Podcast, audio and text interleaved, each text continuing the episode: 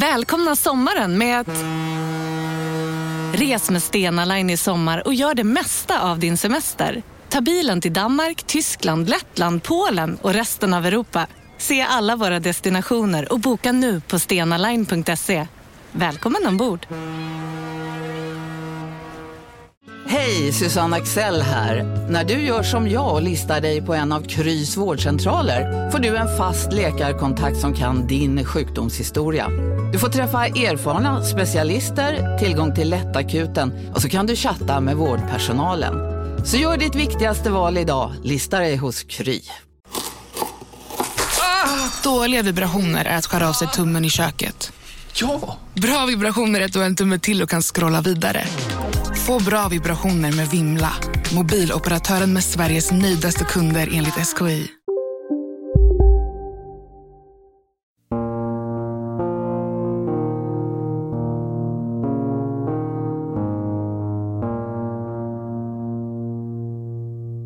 I don't know whether I watch too much eh, crime movies on TV, but my, my gut feeling something told me that something wasn't right. Asima står på sitt kontor i östra London. Området, Shoreditch, har allt eftersom staden urbaniserats gått från förort till innerstad. Och det som tidigare var lagerlokaler är idag hem för trendiga techbolag tilltalade av områdets industrikänsla. Däribland Asimas arbetsgivare, The Accountancy Cloud, en revisionsbyrå startad av hennes pojkvän Wesley. I didn't know what it was. Um, I thought it looked pretty suspicious. Den här kvällen har paret dröjt sig kvar efter arbetstid. Tillsammans hjälps de åt att storstäda kontoret. De håller precis på att flytta om skrivborden när Wesley lägger märke till ett paket i en brevkorg. Um, so I was kind of cu- curious, I guess, to some extent. Paketet är tunt och vitt, stort som ett A4 och frankerat med svenska frimärken i glada färger. Det är tyngre än den myndighetspost som bolaget vanligtvis hanterar. På framsidan står adressen till Wesley och Asimas företag men också namnet på en av revisionsbyråns före detta kunder.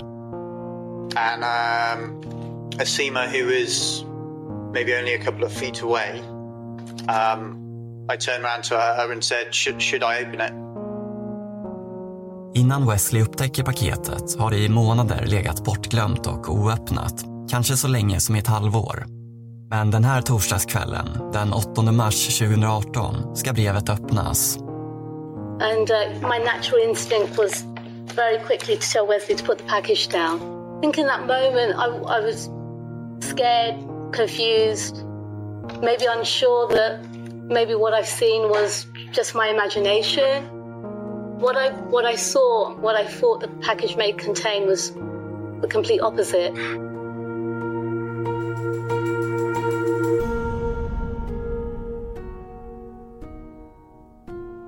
Jag heter Karl Fridsjö och det här är en mörk historia, brevbomb från Gullspång.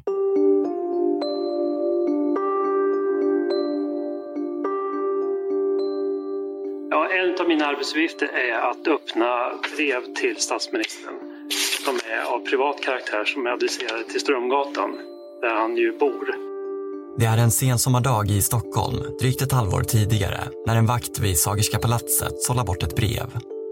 Det är adresserat direkt till statsminister Stefan Löfven, men enligt rutin så landar posten till slut på Peter von Sydows bord. Eh, och de brev som jag öppnade det är sådana som vi kan av olika anledningar misstänka är oönskade. är vår benämning på dem. Att det är någonting som inte är privat till honom så. Som kan innehålla hot eller risker på andra sätt. Kuvertet som Peter får i sin hand är vitt och enkelt. Det ser egentligen ut som vilket brev som helst, förutom att adressen är handskriven med spretig handstil. När han öppnar brevet får han syn på något märkligt. Ja, Det var något skräp i som jag tolkar det. Var jättelite i botten som var någonting som inte var själva pappret liksom. Det skräp som Peter hinner skymta är i själva verket ett vitt pulver. Meddelandet i brevet är kort men tydligt. Fyra ord i röd tusch. Snart är du död.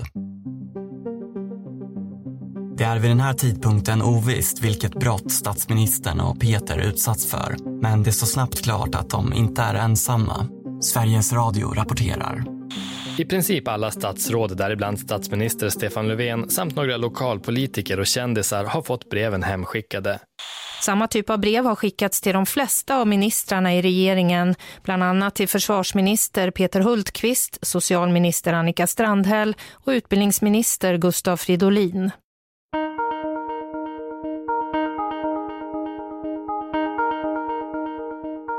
Ja, men sakta men säkert så kommer de här breven att, att nå andra statsråd. Och, och, ja, tidigt så begrep vi liksom att det här kändes inte bra av, utifrån pulvret framför allt. Då. Under två sommarmånader 2017 görs ett 20-tal anmälningar till polisstationer runt om i landet. Och det dröjer inte länge innan hotbreven blir ett ärende för Säkerhetspolisen. Vi hör Fredrik Hallström, biträdande enhetschef för enskilda hotaktörer på Säpo.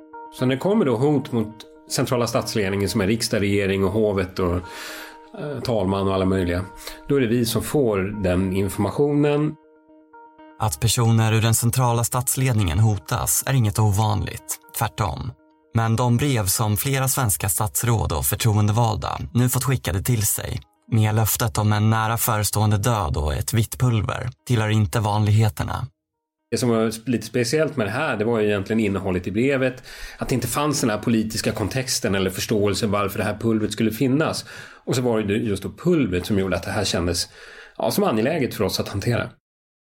Även om breven sticker ut jämfört med andra mindre allvarliga hot så påverkar det enligt Fredrik Hallström inte i någon egentlig mening hur Säpo arbetar. De inleder en förundersökning för att så snabbt som möjligt komma åt gärningsmannen. Sen behöver ju vi göra andra bedömningar kring eh, vem den här aktören må vara eh, ganska snabbt för att identifiera en aktör innan Nationellt forensiskt centrum kommer med sina resultat. Eh, så att vi reagerar ju på, på, alla möjliga sätt inom ramen för förundersökning men också inom ramen för underrättelsearbete för att försöka hitta och identifiera den här aktören. Under tiden går Säpo, redan efter de inledande breven, ut med en varning och stränga instruktioner till de statsråd som kan tänkas stå näst på tur. De som drabbats hittills är mestadels socialdemokrater. Eftersom innehållet är okänt och i värsta fall skadligt, eller till och med dödligt, är det viktigt att brevet inte öppnas, utan istället överlämnas till polisen.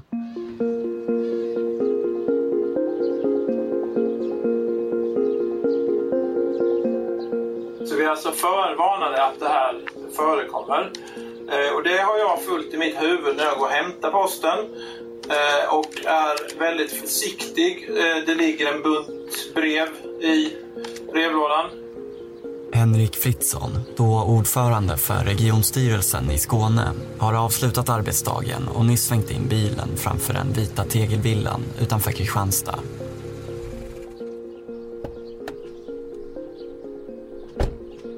Han kliver ur för att, precis som han brukar, plocka upp posten men den här dagen ekar Säpos instruktioner i bakhuvudet.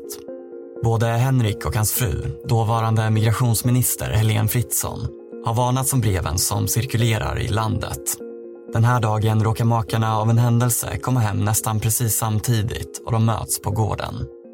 När jag tar detta brevet så ser jag att det är skumt. Jag reagerar på detta brevet, eh, att det är skumt. Jag lyfter det försiktigt. När jag kom hem den aktuella dagen så öppnade jag min ytterdörr och då såg jag ganska, jag var liksom lite på alerten, att jag var inställd på att titta om det skulle finnas någonting. Samma eftermiddag, några timmar norrut, är dåvarande gymnasie och kunskapslyftsminister Anna Ekström, precis som makarna Fritzson, nyss hemkommen från en vanlig arbetsdag till sin lägenhet i Stockholm. I mitten av bunten av brev som hade kommit så var det ett eh, brunt kuvert som lite stack ut eftersom det var handskrivet och med en handstil som jag inte kände igen. Då insåg jag att eh, det här var ett sannolikt ett hotbrev som hade kommit till mig. Den känslan av obehag som jag fick, den förstärktes av att, eh, ja just att det här brevet låg mitt i brevbunten också så jag kunde liksom, jag vet inte varför jag tyckte det var obehagligt men på något vis kändes det som att det här är liksom instucket bland det som kommer hem till mig. Privata och officiella meddelanden som, som ska komma hem i brevlådan.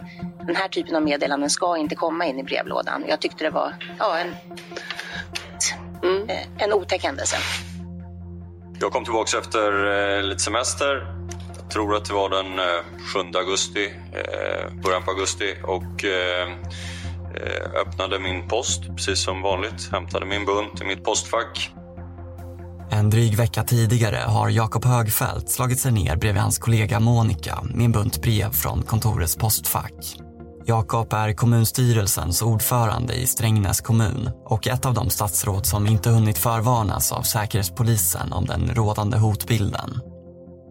Och jag öppnade post och eh, Sen kom jag till det här brevet och eh, tog ut ett eh, papper som jag vek upp. Och när jag vek upp det så stod det med stora röda bokstäver Snart är du död. Då tittade jag på mina fingrar och upptäckte att det var vitt pulver både på fingrarna och på eh, brevet och på bordet. Eh, då släppte jag det och eh, vi båda lämnade rummet, stängde dörren oerhört snabbt.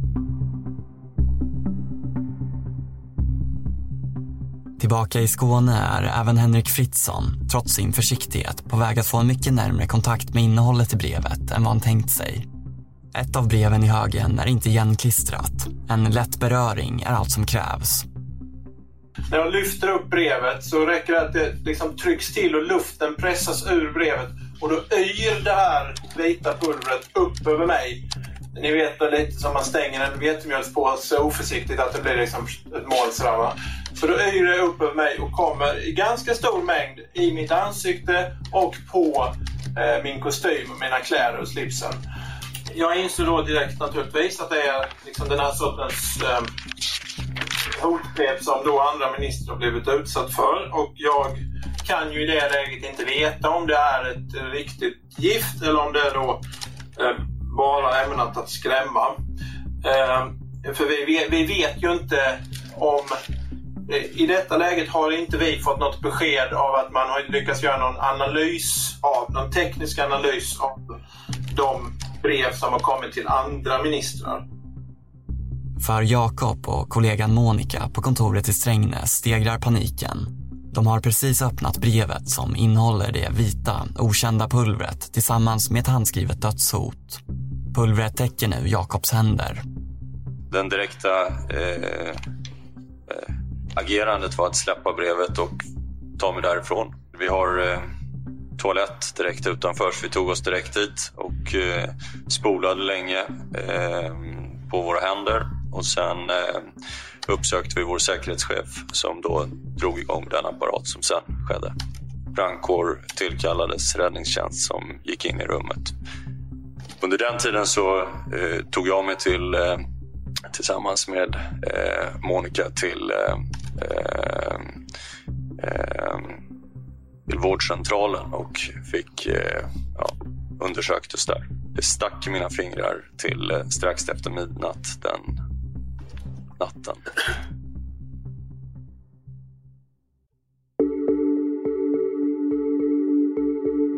Så är det ju generellt oaktat vilken politisk nivå man är. Så är det ju besvärligt med den typen av otillåten påverkan där oaktat om det är en enskild individ eller om det är ett nätverk, en organisation försöker påverka beslutsfattandet genom skrämma eller hat eller trakasserier eller på ett annat sätt så att man avstår för att fatta, fatta vissa beslut.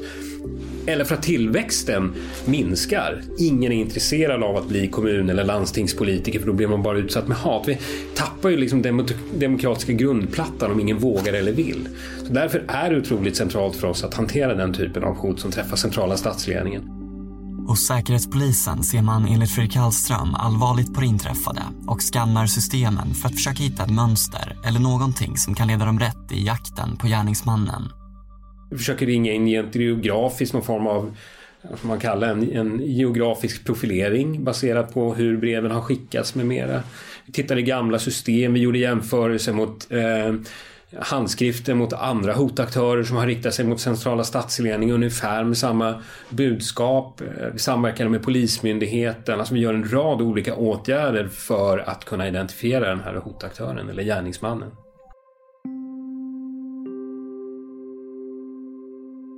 Till dess att NFC har analyserat breven och kan slå fast vad pulvret är för någonting så behandlar polisen och Säpo innehållet med utgångspunkten att det är farligt. Att det skickats för att skada. Vi fick ju också information från Polismyndigheten om ett antal hot som hade riktats mot andra som inte träffar central, centrala statsledningen. Det var en del kända personer och en del på kommunnivå också som, eh, som hade fått motsvarande brev. Där. där det fanns ett visst annorlunda innehåll därutöver. Men det var uppenbart att det var från samma brevskrivare. Hittills har det funnits ett tydligt samband mellan de 27 personer som nåtts av pulverbreven. Samtliga är statsråd eller personer i närmiljön. Men det finns en adressat som sticker ut i mängden av politiker. Brevet och dess innehåll kom helt utan förvarning. Eh, och jag öppnade det relativt försiktigt och såg redan att eh, när jag öppnade någonting om eh, att jag skulle dö och jävla bög eh, och det var också förlutet vitt pulver på mig. Eh, på handen, på golvet och på eh, bordet i hallen. Det är i början av augusti som författaren, skådespelaren och artisten Jonas Gardell lägger märke till brevet. Det sitter fastkilat med ena hörnet i brevinkastet. Jag eh, övervägde först naturligtvis om jag skulle ignorera det. Sen bestämde jag för att, eh, att tvätta händerna. Om det skulle vara något eh, farligt ämne. Sedan bestämde jag också för att ringa polisen och eh, tänkte då att jag ska inte besvära och ringa 112. För att eh, ja, jag vill inte besvära. Försändelsen är snudd på identisk de som nått Henrik, Anna och Jakob. Men det finns en skillnad i Jonas brev. Hans lapp har fått ett tillägg. Snart är du död, din jävla bög, må du brinna i helvetet, läser han. Efter några sekunders reflektion beslutar sig Jonas till slut för att larma. Eh, så jag ringde det lite långsammare numret. Det då var två timmars väntan så tänkte jag om det här är ett gift eh, och det står att jag snart ska vara död, då eh, kanske jag är död för det laget. Och då är det ju dumt att ha varit artig. Så länge man inte vet att det är ofarligt så måste man ju betrakta det som att de är exponerade av någonting giftigt eller smittsamt. Enligt Magnus Normark, senioranalytiker på Totalförsvaret, gör Jonas helt rätt i att tumma på artigheten. Magnus är baserad på Forskningsinstitutet i Umeå och är expert på hotbedömning gällande farliga ämnen. Det är ju ingen ovanlig företeelse. Vi, vi ser det här förekomma eh, ett antal gånger per år i Sverige. Eh, vi skulle bedöma mellan fem och tio kanske. Och man kan väl säga också att fenomenet tog väl eh, fart ordentligt efter antraxbreven i USA eh, 2001, september 2001. En vecka efter attentat, terrorattentaten mot World Trade Center bland annat. Eh, där just då Bacillus anthracis i väldigt fin pulverform spreds i ett antal brev till olika eh, nyhetsredaktioner, journalister och eh, senatorer. Om en så vidde på väg till dig för att du råkar ljuga från kollega om att du också hade en och innan du visste ordet av du hem kollegan på middag och... Då finns det flera smarta sätt att beställa hem din sous på. Som till våra paketboxar till exempel. Hälsningar Postnord. Du, åker på ekonomin. Har han träffat någon? Han ser så happy ut. Var det onsdag? Det är nog Ikea. Har du dejtat någon där eller? Han säger att han bara äter. Ja, det är ju nice alltså. Missa inte att onsdagar är happy days på IKEA. Fram till 31 maj äter du som är eller blir IKEA Family-medlem alla varmrätter till halva priset. Välkommen till IKEA.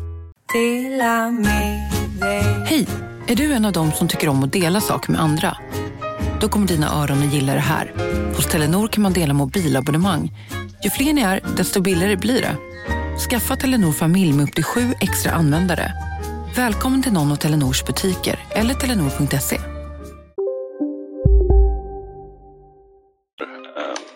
I det amerikanska systemet. Det som Magnus benämner som Bacillus anthracis är ett annat ord för en potent form av mjältbrandsporer som i början av 2000-talet under flera veckor spreds i New York, Florida och Washington via post. 17 personer blev infekterade och smittan kostade fem människor livet. Men i Sverige har vi hittills varit förskonade från attacker av samma kaliber. Jag kan väl inte erinra mig så många fall i Sverige. Jag vet 2016 så var det ett fall där man kunde hitta spår av cyanid i ett brev som hade skickats. Men annars är just eh, den här typen av eh, förekomst där själva innehållet har varit giftigt eller smittsamt är väldigt ovanligt. Men Magnus påpekar också att bara för att det är ovanligt med dödliga smittospridningar så går det inte att utesluta. Och de som har utsatts kan inte göra annat än att gå och vänta på resultatet. Det är klart att i en sån situation eh, så är ju offren upplever att det här är någonting väldigt, väldigt negativt. Eh, väldigt skadligt. Eh, och det kan ju alltså ta upp till ett par dagar, två, tre dagar innan man får riktiga analyssvar. Man kör hela processen ut. Så det, det, är klart att det förlänger ju eh, lidandet.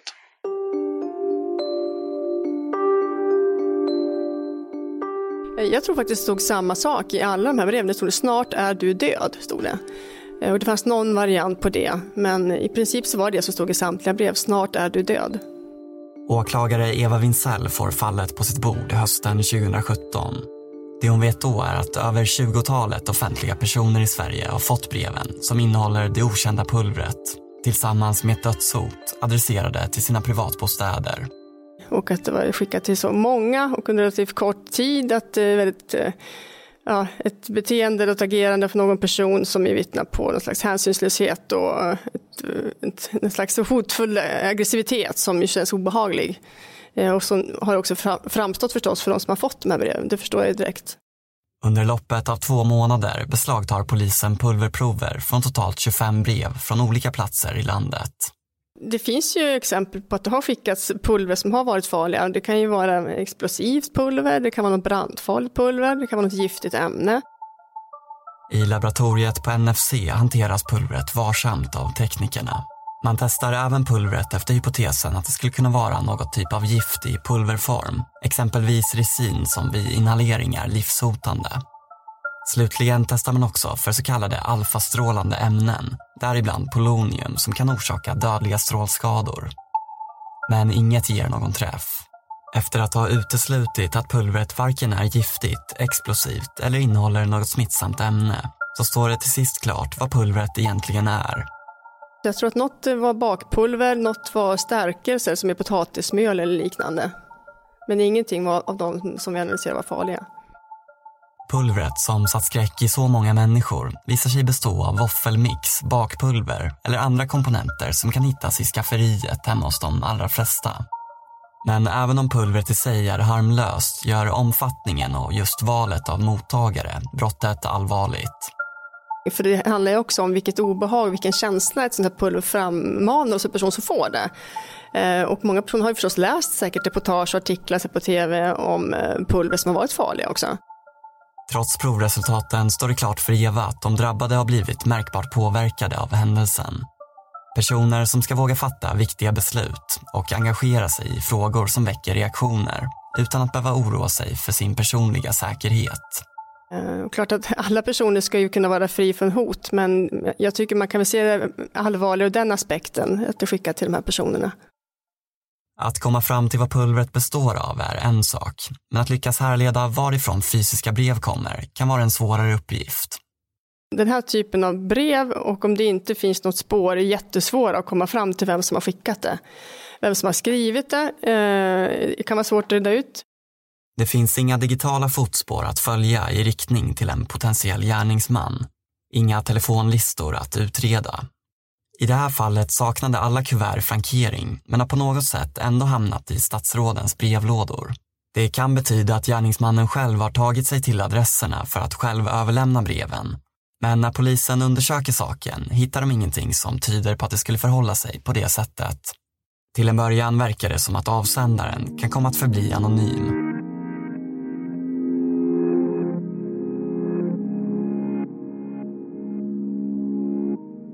Som offentliga politiker så är vi eh, väldigt vana vid att få eh, olika former av aggressiva brev, eh, hot, allsköns skräp som folk skickar, porrbilder. Ja, ni anar inte vad skit det finns. Man får det till jobbet och ibland i hemmet. Under 2016 uppgav en av fyra förtroendevalda att de utsatts för någon form av hot enligt politikernas trygghetsundersökning från Brå. Henrik och hans kollegor, som var de första att motta pulverbreven, är alla vana vid att då och då motta hot på grund av deras offentliga befattningar. Vi har ganska hög eh, smärttröskel för sådant. Det är ganska få saker som skrämmer oss. Eh, därför att vi är vana vid sånt här. Men eh, det här brevet som då vi pratar om är ju någonting på en helt annan nivå. Det kan i vanliga fall handla om allt från hotfulla telefonsamtal, kommentarer på nätet eller att få glåpord kastade efter sig på stan. Sånt man kanske tvingas vänja sig vid. Det ingår i jobbet. Men den här gången är statsråden eniga. Det här är annorlunda. Trots att jag då har under, ganska, under flera decennier arbetat i offentligheten och ofta med frågor som har varit ganska kontroversiella så, så är det här någonting som verkligen sticker ut jämfört med tidigare, ja, eh, vad ska man kalla det för, negativa kontakter med, med människor ut, ut, från allmänheten. Henrik och Anna, som båda hade sina barn i hemmet när breven öppnades, har fått en ändrad syn på sin vardagliga posthantering sedan händelsen. Faktum är att varenda dag sedan det här hände så tittar jag lite extra när jag kommer hem efter om det ligger något brev på, eh, brev, under brevinkastet. Så det här var någonting som, som, kom, som, som gjorde ett intryck på mig verkligen. Henriks son får inte längre hämta posten från brevlådan och familjen har överlag blivit mycket försiktigare när det gäller hantering av brev med handskriven adress eller från avsändare de inte direkt kan identifiera. Då öppnar Henrik och Helene med stor försiktighet brevet över diskhon. Vi bor inte i några skyddade tjänsteborgar utan vi bor i helt privata bostäder i Sverige och det tror jag att de flesta medborgare vill att det ska vara så. Eh, men då blir det också väldigt, väldigt skrämmande eh, när man får den här sortens hot eh, till hemmet. Det, det blir värre mentalt än om man hade fått till sitt jobb. För i sitt hem försöker man bara leva som en normal familj och ge sina barn en så bra och normal uppväxt som möjligt. Och, och att då bli utsatt för den här sortens hot i hemmet är eh, väldigt, väldigt skrämmande. Eh, och man tänker på eh, sina barn eh, väldigt mycket i sådana situationer. Du måste förstå att jag har varit offentlig homosexuell sedan jag var 18 år gammal och aktivist. Eh, på den tiden det begav sig på 70-80-talet när jag var ung, då var den här typen av hat och den här typen av hot och den här typen av, av eh, hot om våld eh, min vardag. Jonas Gardell har liksom de andra fått erfara sin beskärda del av hot genom åren. Han har sedan länge för vana att alltid öppna brev med en brevkniv, av säkerhetsskäl. Han har vid flera tillfällen fått hemskickat brev med rakblad inbäddade i kuvertets öppning. Det var någonting jag levde med och förväntade mig. Men tack vare den kamp som jag och många andra har utfört så är inte det längre min vardag och det är jag väldigt stolt över. Men jag är fortfarande i en situation där jag tänker åtminstone erkänna mig rädd för den här typen av hot eftersom jag utgår från att ett sådant erkännande skulle personer som gör det uppleva som en framgång.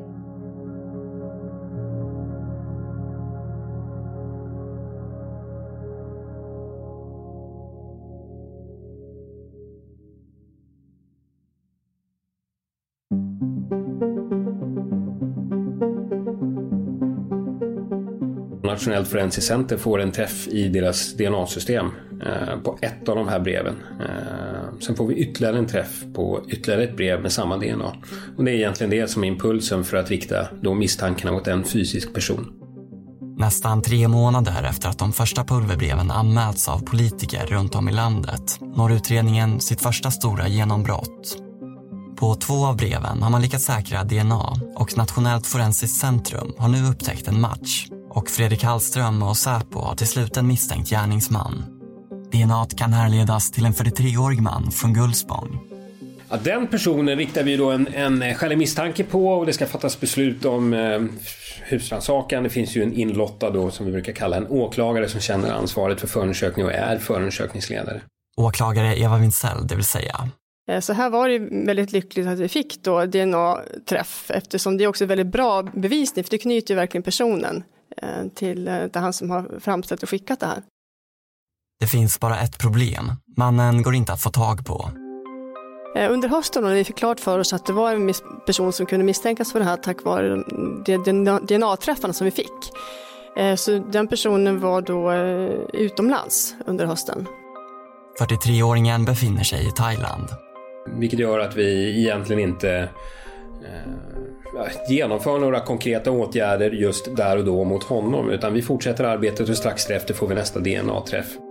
Och det ska dröja innan Säpo genomför dessa konkreta åtgärder. Först när den misstänkte 43-åringen, över en månad senare, åter är på svensk mark och kan gripas omedelbart efter att han gått av planet, beslutar åklagare Eva Wintzell om att mannens bostad ska genomsökas. I samband med att han grips och sitter frihetsberövad idag så gör vi också en husrannsakan i hans eh, bostad. Eh, där vi hittar lite lappar och saker som också tyder på att det är han som är upphovsman, eller mycket väl kan vara upphovsman. För man ser på handstil och på lappar att det finns vissa beröringspunkter som liknar de här breven och det som är skrivet i de här hotbreven. Bostaden eh, är ju egentligen inte bara bostaden utan hela fastigheten och dess angränsande biutrymme som garage och annat är ju fyllt av saker. Eh, vi genomför husrannsakan i syfte att styrka de brott, de här olaga hoten med den här pulvren och de här brevskriven, äh, breven. Då. Eh, och det är det vi söker efter. Mannens bostad är överbelamrad med saker. På polisens bilder från den stökiga villan syns olika verktyg, kablar och en lödkolv blandat med olika städartiklar, skräp och papper. I röran på köksbänken står en mortel. Bredvid ligger påsar fulla med svartkrut. Vi fotodokumenterar eh, fastigheten, bostäderna, bilar och allt möjligt. Av flera skäl. Ett skäl är att vi ska kunna ha en förmåga att eh, något senare kunna komma tillbaka och göra en ny husrannsakan. Och så är det i allt, oaktat om det handlar om underrättelsearbete eller utredningsarbete så sitter vi med en hyggligt fragmenterad bild. Vi har små delar som långt senare visar sig hänga samman. Under söket i villan beslagtar man en liten mängd narkotika och flertalet handskrivna lappar. Hotfullt klotter om att döda och ett kort konstaterande om att citat, brevbomberna kommer lyckas. Men krutet på diskbänken fångas bara på bild. Det faller inte inom ramen för brottsmisstankarna och bedöms därför inte som relevant. Häktningsskäl ska ju vara att man antingen då eh, kan misstänkas att man ska begå mm, brott igen. Eh, eller att med hänsyn till utredning att det finns eh, saker som man kan påverka om man skulle vara på fri fot.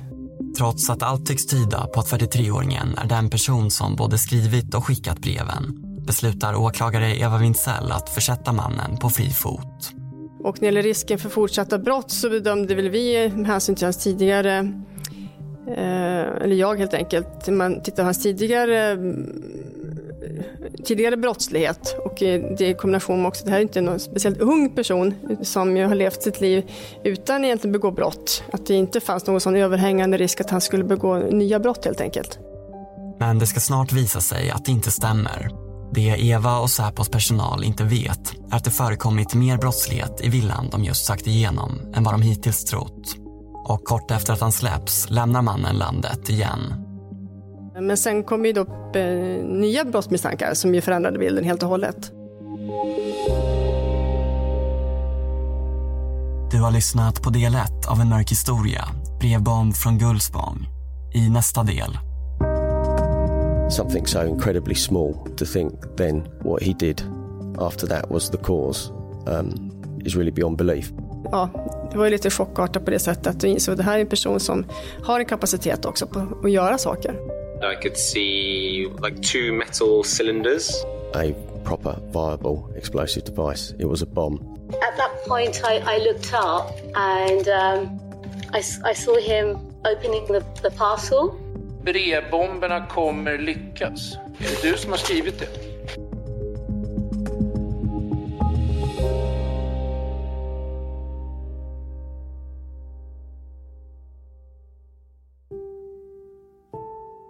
Brevbomb från Gullspång är en dokumentär producerad av Joel Silberstein Hont och av mig, Karl Fridsjö.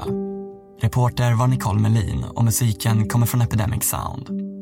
Missa inte del två genom att prenumerera i din podcastspelare eller stöd vårt arbete via Acast-appen så kan du lyssna nu direkt på del två. Tack!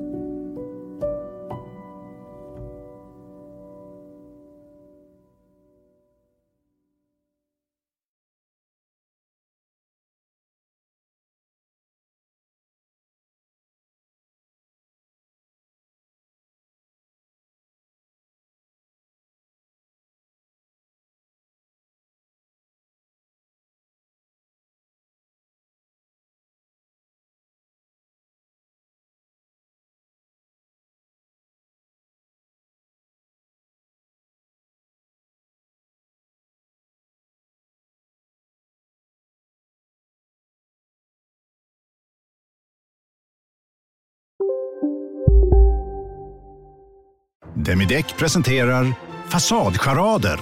Dörrklockan. Du ska gå in där. Polis? Effektar? Nej, tennis tror jag. Pingvin. Alltså jag fattar inte att ni inte ser. Va? Nymålat. Men det var många år sedan vi målade. Demideckare målar gärna, men inte så ofta. Bara på Storytel. En natt i maj 1973 blir en kvinna brutalt mördad på en mörk gångväg. Lyssna på första delen i min nya ljudserie. Hennes sista steg av mig, Denise Rubberg. Inspirerad av verkliga händelser. Bara på Storytel. Det där var för att uppmärksamma er på att McDonalds nu ger fina deals i sin app till alla som slänger sin takeaway förpackning på rätt ställe. Även om skräpet kommer från andra snabbmatsrestauranger som exempelvis Ma... Eller till exempel Burger...